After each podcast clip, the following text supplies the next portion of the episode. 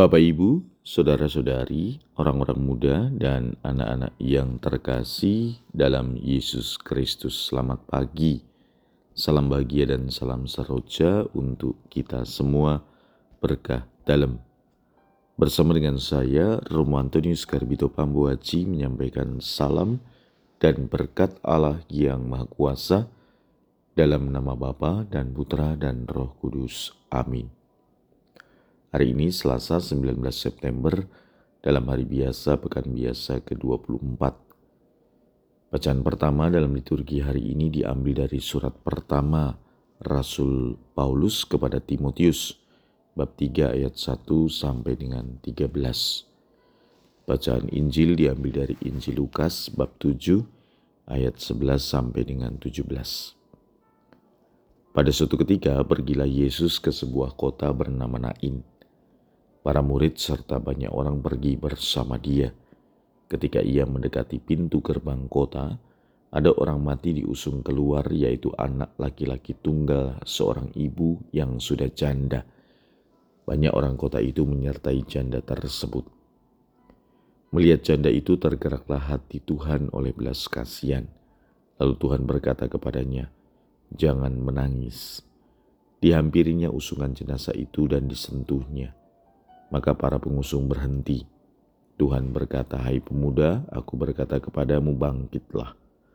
Maka bangunlah pemuda itu duduk dan mulai berbicara. Yesus lalu menyerahkannya kepada ibunya.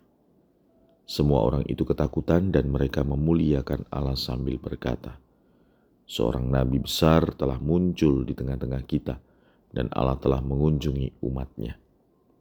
Maka tersiarlah kabar tentang Yesus ke seluruh Judea dan ke seluruh daerah sekitarnya. Demikianlah sabda Tuhan. Terpujilah Kristus.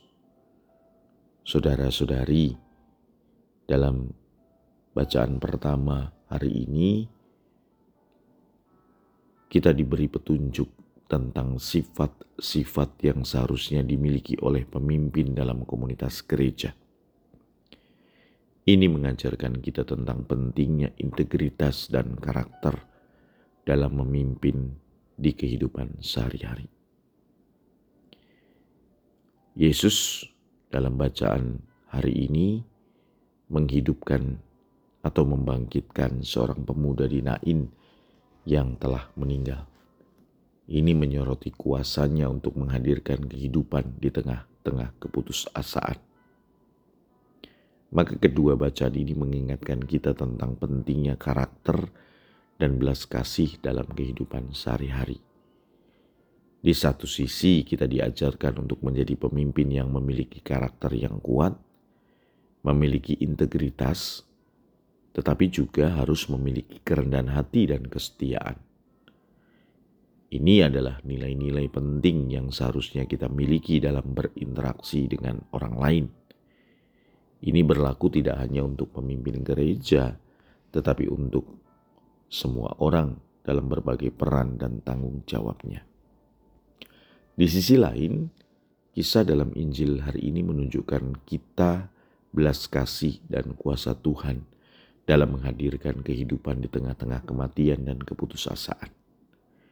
Ini mengingatkan kita bahwa kita dapat menjadi alat bagi Tuhan untuk membawa kehidupan dan harapan kepada mereka yang berduka dan putus asa.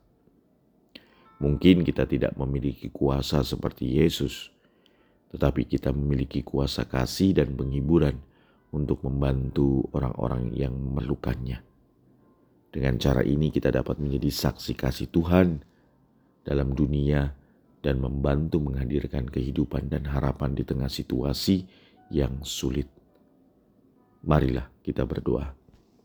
Ya Tuhan, bantulah kami untuk selalu mengupayakan karakter kuat dan menjadi alat kasih dan penghiburan bagi mereka. Berkat Allah yang Maha Kuasa, dalam nama Bapa dan Putra dan Roh Kudus. Amin.